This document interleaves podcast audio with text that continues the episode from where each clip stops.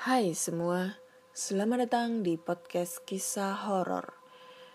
Ya, kali ini aku akan membacakan cerita-cerita horor lagi yang sudah dikirimkan teman-teman melalui podcast kisah horor at gmail.com ataupun di DM Instagram podcast kisah horor.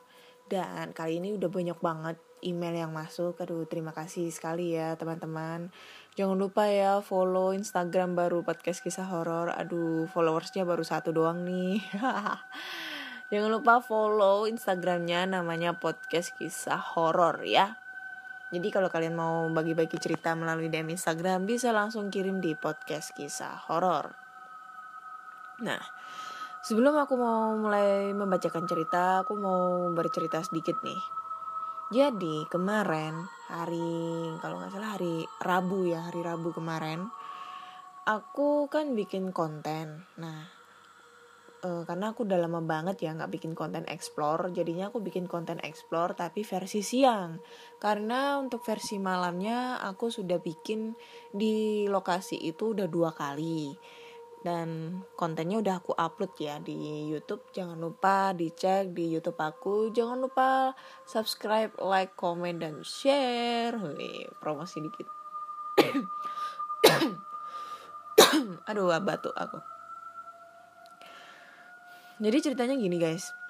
Aku kan bikin konten di sana di siang hari ya sekitar jam satu lewat lah aku datangnya itu satu ya satu lewat jam satu siang. Jadi seperti biasa aku datang ke sana sendirian. Nah aku explore dong. Mul, uh, pertama itu masuk ke area tersebut biasa aja nggak ada merinding merindingnya sama sekali ya maksudnya di area area depan rumah lah teras itu biasa aja. Nah pas waktu aku masuk ke rumah ke dalam itu udah mulai perasaan gak enak itu udah mulai muncul. Ini nggak seperti biasanya ya.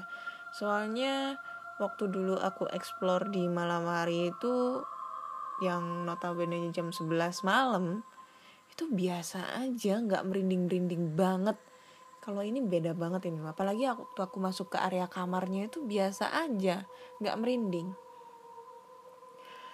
Nah waktu aku masuk itu udah mulai muncul suara-suara kayak suara pin ada bunyi di pintu padahal nggak pegang pintu.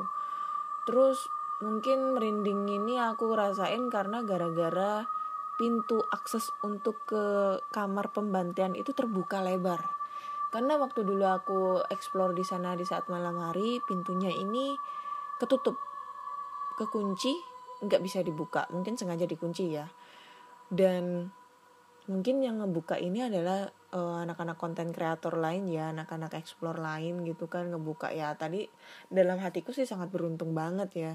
Aduh terima kasih udah dibukakan. Jadi aku nggak perlu repot-repot masuk lewat lubang jendela yang sempit banget gitu lah apalagi aku sendirian kan.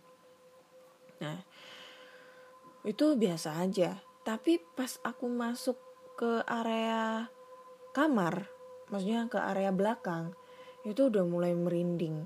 Nah di area tersebut itu kelihatan kayak gelap banget. Padahal area tersebut itu terbuka. Maksudnya tuh apa ya gentengnya itu terbuka gitu loh. Jadi kemungkinan ada sinar mata ya nggak nggak ketutup gitu loh rumahnya.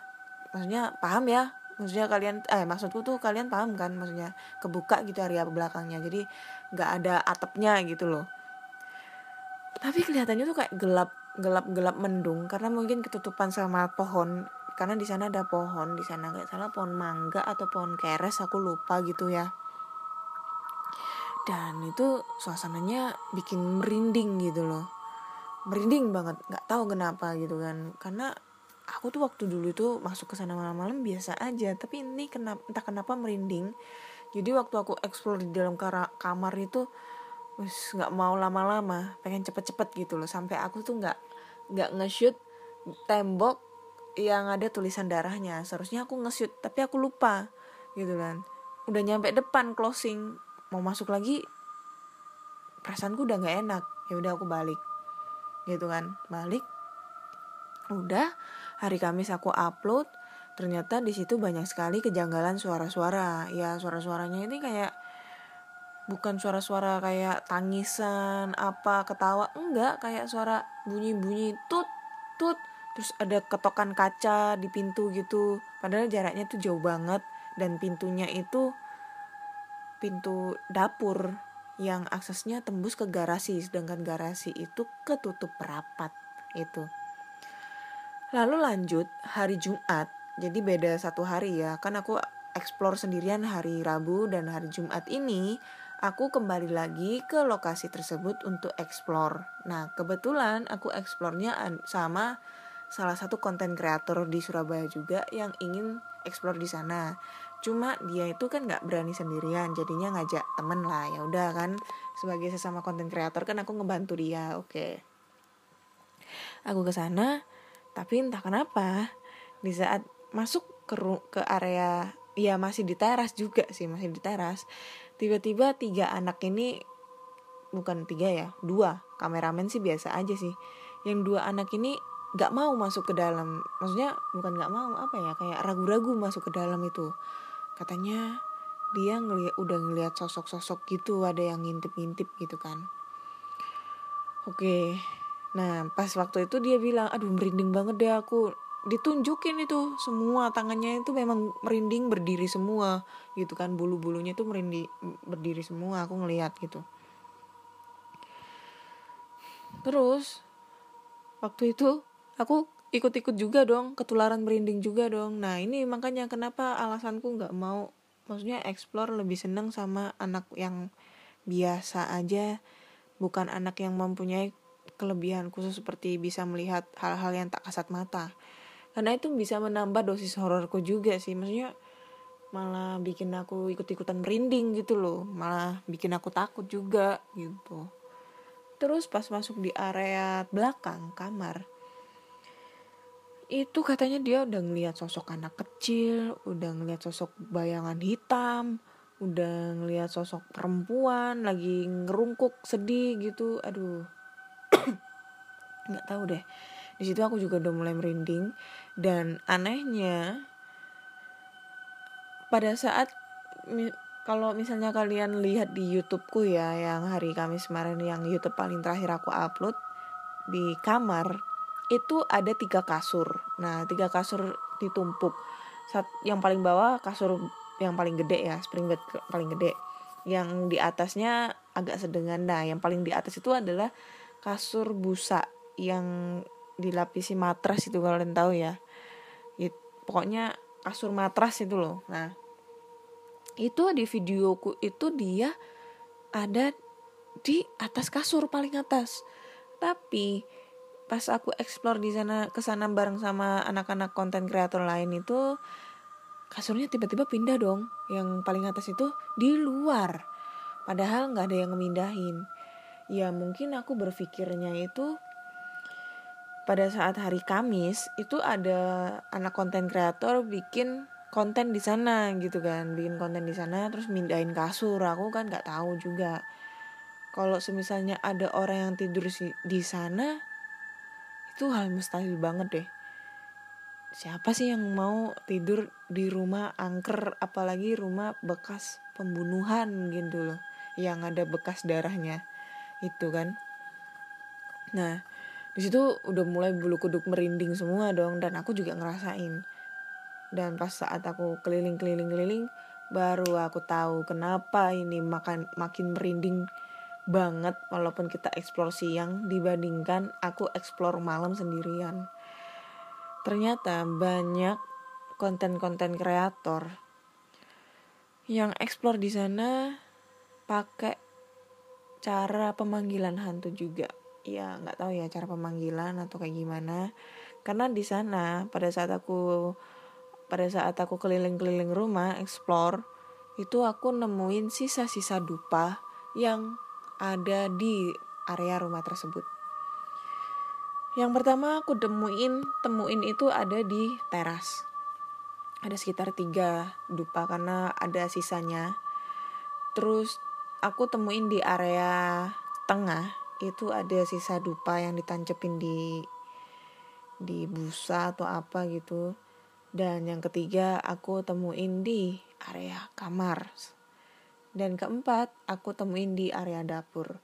Nah ini yang bikin penunggu-penunggu di sana itu kayak ngerasa terganggu banget, apalagi ditambah dengan kedatangan kita gitu kan. Ya kayak gitulah, mungkin ya dengan cara seperti itulah dia mempunyai bisa apa namanya uh, memancing viewers gitu kan biar tambah menarik. Tapi kalau aku sih kalau bi kalau explore nggak pernah sih manggil manggil kayak gitu. Karena memang tujuanku explore adalah melihat situasi sekitar bangunan yang dianggap angker bukan mencari penampakan. Seperti itu oke? Okay? jadi kayak gitu aja ya ceritaku. Jangan lupa kalian langsung aja uh, yang belum lihat uh, video aku yang terbaru langsung kalian lihat aja di channel aku namanya Anna Olive. Jangan lupa subscribe, like, comment, dan share. Hey.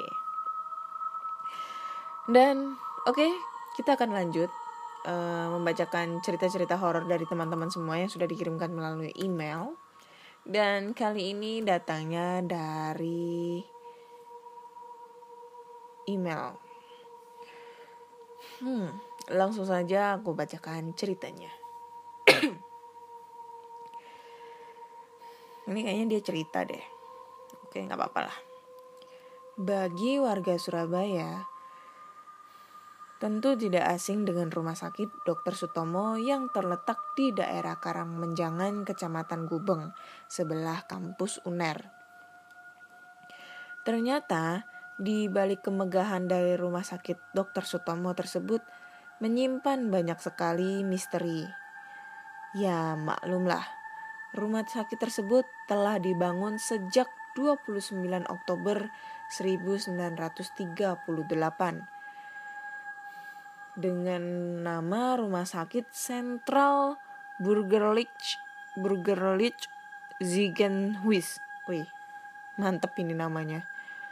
Aku belum tahu loh kalau namanya dokter Sutomo dulu namanya ini goblok kan aku orang Surabaya. Jadi tentu saja rumah sakit ini sudah sangat tua dan menyimpan berbagai cerita seram yang salah satunya yaitu suster gepeng.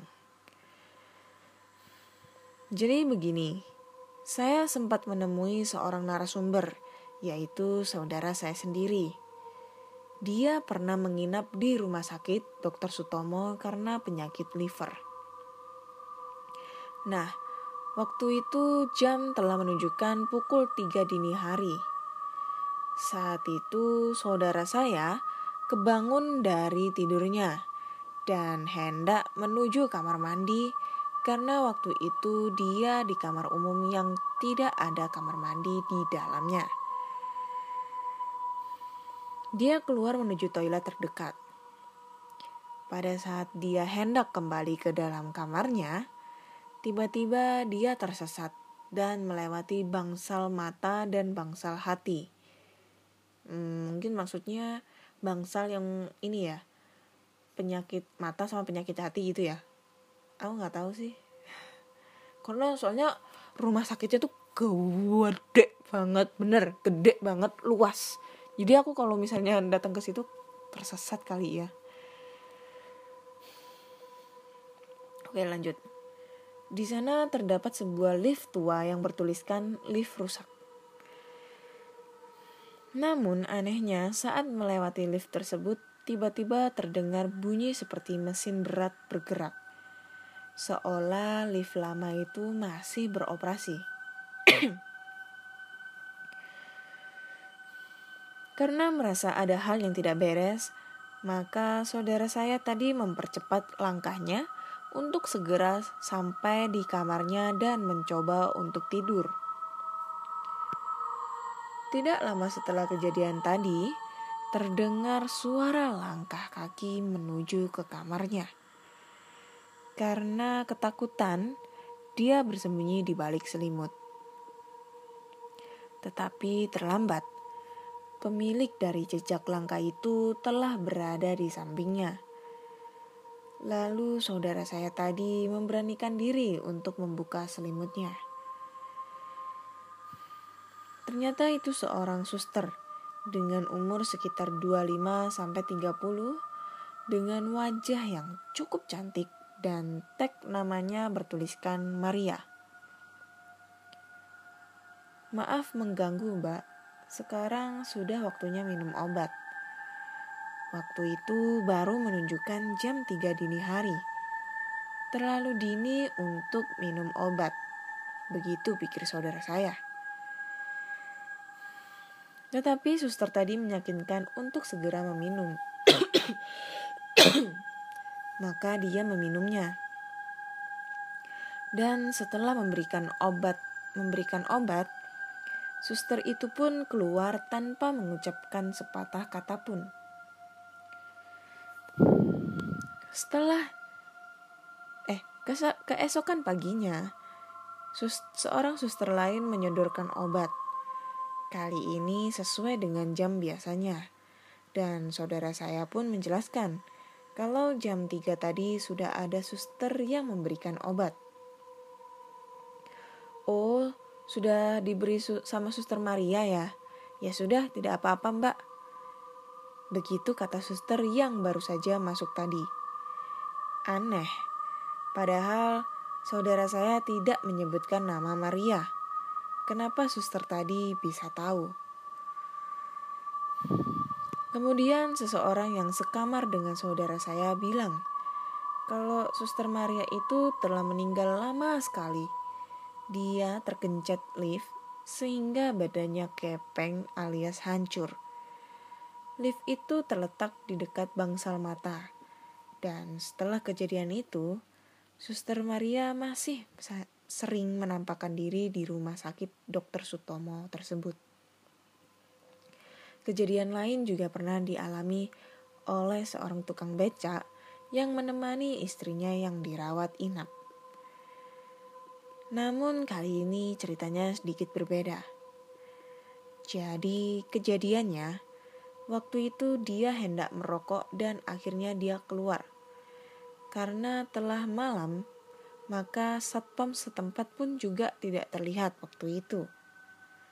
Nah, pada saat dia jalan-jalan di dekat bangsal mata, tepat di lift rusak, tiba-tiba dia melihat seorang suster berambut panjang dengan tubuh yang hancur. Matanya keluar dan mukanya benar-benar tidak terbentuk lagi. Sontak saja tukang beca ini langsung lari sambil berteriak dan setelah kejadian itu tidak dia tidak berani merokok di rumah sakit lagi. Nah, ini sih aku udah pernah dengar ya ceritanya ya, suster gepeng. Tapi untuk yang di rumah sakit dokter Sutomo itu ceritanya bukan suster gepeng. Suster gepeng itu ceritanya itu ada di uh, mall di Surabaya namanya Delta Plaza yang letak mallnya itu deket sama rumah sakit dokter Sutomo karena mall tersebut dulu adalah sebelum dibangun mall itu rumah sakit aku lupa nama rumah sakitnya itu apa. Itu rumah sakit udah lama banget udah zaman ya tahun 40 40-an lah ya. Itu udah lama banget. Kemudian bangkrut terus akhirnya dibangun sebuah mall. Nah kejadian suster gepeng itu ada di mall tersebut gitu kan. Jadi ceritanya kalau misalnya kita, kan ini mall di belakangnya mall itu ada hotel ya kalian pasti tahu lah mall yang ada di dekat di dekat Mount Castle lah sebelahnya Mount Castle aku kasih clue ya sebelahnya Mount Castle itu emang ada suster gepeng di situ karena waktu itu ya kegencet lift dan letaknya lift itu ada di dekat bioskop gitu di dekat bioskopnya. Yang untuk cerita yang ada di Dokter Sutomo itu bukan suster gepeng, melainkan suster ngesot. Karena waktu itu kejadiannya itu ada salah satu suster yang dia dinas malam hari, lalu dia berusaha uh, waktu itu dia kayaknya lagi ceritanya dulu itu ini cerita dari salah satu teman aku yang jadi dokter di sana ya. Itu dia itu kayak mau periksa pas pasien atau habis dari mana atau mungkin dia habis cari makan atau gimana. Dan memang kebetulan kejadiannya itu nggak malam sih ya sekitar jam tujuan malam lah. Itu malam ya. Maksudnya jam 7 jam 6 lah gitu. Nah dia naik lift. Nah kebetulan lift yang dia pakai itu ada consulting agak bermasalah. Pada saat dia keluar lift tiba-tiba lift itu tertutup langsung tertutup atau gimana ya? Tertutup ha tertutup dan uh, ininya apanya yang tali liftnya itu tiba-tiba jatuh ke bawah sehingga kakinya putus. Karena kakinya nyangkut di pintu lift. Akhirnya dia meninggal seketika di sana karena kehabisan darah. Itu ceritanya. Nah kalau di kampus UNER khusus fakultas kedokteran itu memang banyak banget cerita horor di sana. Karena memang bangunan tersebut kampus tersebut udah ya udah nggak umum lah di kota Surabaya itu itu bangunannya tuh udah lama banget. Udah satu abad lebih itu bangunannya. Beneran. Itu bangunan fakultas kedokteran UNER itu bangunannya udah satu abad lebih. Dan banyak sekali cerita-cerita tentang ya cerita-cerita horor yang ada di sana. Karena memang di sana itu kan fakultas kedokteran. Dan otomatis di sana itu juga menyimpan jenazah ya untuk untuk praktek yang disimpan di dalam kadaver gitu kan. Ya itu dah. Pokoknya itu nggak menjadi rahasia umum banget. Itu sih setahuku yang ada di kampus UNER maupun di Dr. Sutomo. Oke terima kasih ceritanya untuk uh, siapa ini? Dia nggak mau disebutkan namanya. Ini rata-rata ini nggak mau disebutkan namanya terus. Oke kita lanjut ke cerita terakhir. Kita bacakan dua cerita aja ya. Karena ini cerita yang terakhir lumayan agak panjang langsung aja kita ke ceritanya beberapa hari yang lalu saya dan teman-teman saya sempat mengalami kisah serem di kampus. Hmm, kampus lagi nih. Aduh, serem banget ini kalau kampus. Oke, kita lanjut. Hari itu saya dan kedua teman saya, Eca dan Nai, kebetulan ada jadwal tutor dengan senior sekitar jam setengah tujuh malam di lantai tiga. Karena masih sepi dan kebetulan tutor belum datang dan juga sudah masuk waktu maghrib, jadi kami sholat maghrib terlebih dahulu di musola lantai empat. Setelah selesai sholat, kami balik lagi ke lantai tiga. Tapi karena malas turun tangga, jadi kami memutuskan untuk menggunakan lift. Ketika kami membuka lift, memang sudah ada orang. Jumlahnya sekitar dua orang. Masing-masing turun di lantai empat dan lima. Posisi kami setelah dua orang tersebut turun itu saya berada di pojok kanan tepat di depan tombol lift. Nai di tengah dan Eca di pojok kiri. Oke, kalian inget-inget ya ini clue-nya ya. Posisinya si pen narasumber ini berdiri di dekat tombolan tombol lift. Temennya si Nai di tengah dan satunya temennya si Eca aja eh, Eca aja. Eca ada di pojok kiri. Oke, kalian ingat. Ketika, ketika orang terakhir turun di lantai 5 dan pintu lift mulai tertutup, saya langsung menekan lantai 3. Tapi, tiba-tiba lift yang kita naiki menuju ke lantai 7. Berarti di lantai 7 ada orang yang ingin menggunakan lift juga. Lantai 7, lantai 7 Pintu lift pun terbuka. Saya melihat sekeliling, tidak ada seorang pun di depan lift. Suasana pun hening, karena memang jam segitu sudah tidak ada lagi kelas yang digunakan untuk belajar. Nai, panggil saya sambil buru-buru memegang tangannya yang ingin keluar lift. Mungkin kira-kira sudah satu satu langkah di depan lift. Oh iya lantai tujuh, kirain udah di lantai tiga sih. Kedua teman saya memang dari tadi asing ngobrol jadi tidak memperhatikan. Saya pun langsung menekan tombol untuk menutup pintu lift. Namun tiba-tiba pintu lift tersebut terbuka kembali seperti ada orang yang ingin masuk dengan menekan open dari luar. Saya berusaha tenang dan mencoba untuk tidak panik. Menuju lantai 6, tiba-tiba Eca angkat bicara. Kok perasaan gue tiba-tiba gak en... Hus, kataku memperingatkan karena pada saat itu mereka belum ada firasat apa-apa. Eh, karena pada saat itu iya mereka belum ada firasat apa-apa. Namun mereka berdua saling tatap-tatapan. Pintu lift pun terbuka kembali di lantai 6. Namun itu mereka namun kali ini suasana di lantai itu tidak begitu hening. Saya samar-samar mendengar suara bapak-bapak lagi ngobrol. Untung udah ada orang, kata Eca. Saya kira yang dimaksud Eca adalah suara bapak-bapak yang saya dengar tadi. Namun mata Eca seperti melihat ke suatu objek ketika berbicara seperti itu. Karena penasaran, saya pun sempat melihat ke sekitar, namun tidak ada satu orang pun.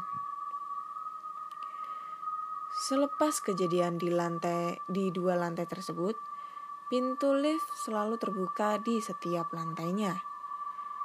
Untungnya lantai 5 dan lantai 4 masih sedikit ramai dan masih ada beberapa orang yang lalu lalang. Jadi kami mulai merasa sedikit tenang. Sampai di lantai 3 kami pun langsung saling cerita di depan kelas. Kenapa sih? Ada apa? Kok tadi shh, gitu sama si Eca? Enggak, tadi gue ngerasa gak enak aja Padahal gue udah pencet lantai 3. Tiba-tiba lift, lift naik ke lantai 7. Dan pas di lantai 7, pintu liftnya juga sempat kebuka lagi. Padahal gue mencetnya close dan di luar gak ada siapa-siapa kan. Jadi siapa yang mencet open dari luar coba? Kalau gue ceritain, kalian jadi takut dan nanti malah ada yang nampakin. Oh iya ya, Untung di lantai 6 Eca sempat lihat ada orang sih. Oh bapak-bapak ya. Gue juga denger tapi nggak lihat ada bapak-bapak. Bukan sih. Ada cewek depan tembok ngadep ke lift. Hah? Cewek? Gak ada siapa-siapa ah, Cak. Bantahnya, bantah naik tiba-tiba. Ih, Eca dia sendiri naik.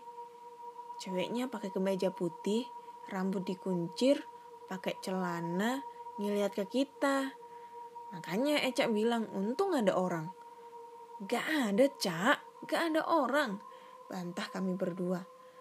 Tiba-tiba kakak senior di sebelah kami yang tidak sengaja mendengar percakapan kami tadi angkat bicara. Hmm, lantai tujuh. Pakai lift sebelah kiri ya?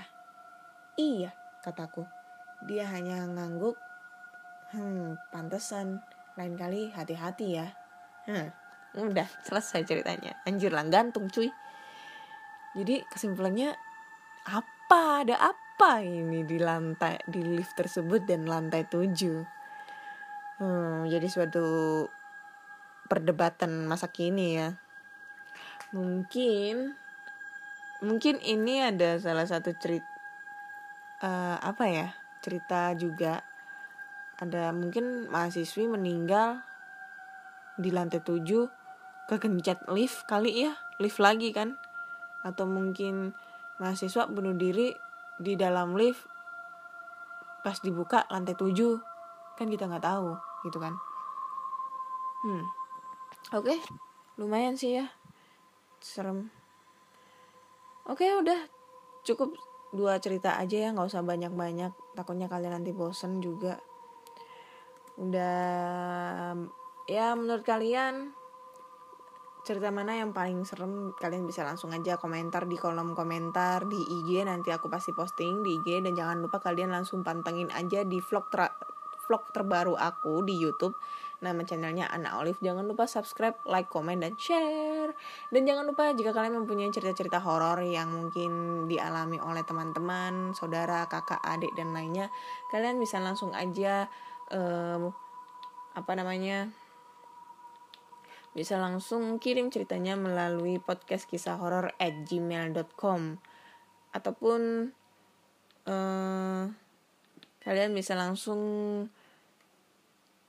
kirim ceritanya ke podcast kisah horor di DM Instagram aduh belibet deh mungkin efek udah malam ya udah jam setengah dua juga Oke, terima kasih sudah mendengarkan cerita kala ini. Haha, bosan nggak dengan cerita? Ya nggak tahu lah, terserah kalian. Dan ini udah podcastku udah mencapai 3,3k. Wih, mantap nih. Terima kasih ya udah tem buat teman-teman semua yang udah pantengin di podcast kisah horor. Jangan bosen-bosen guys untuk mendengarkan. Jangan lupa ya kalian follow langsung di Spotify podcast kisah horor agar kalian selalu update tentang cerita-cerita horor terbaru dan kalian follow juga di Google Podcast ataupun Apple Podcast. Oke? Okay? Terima kasih sudah mendengarkan dan sampai jumpa. Wassalamualaikum warahmatullahi wabarakatuh.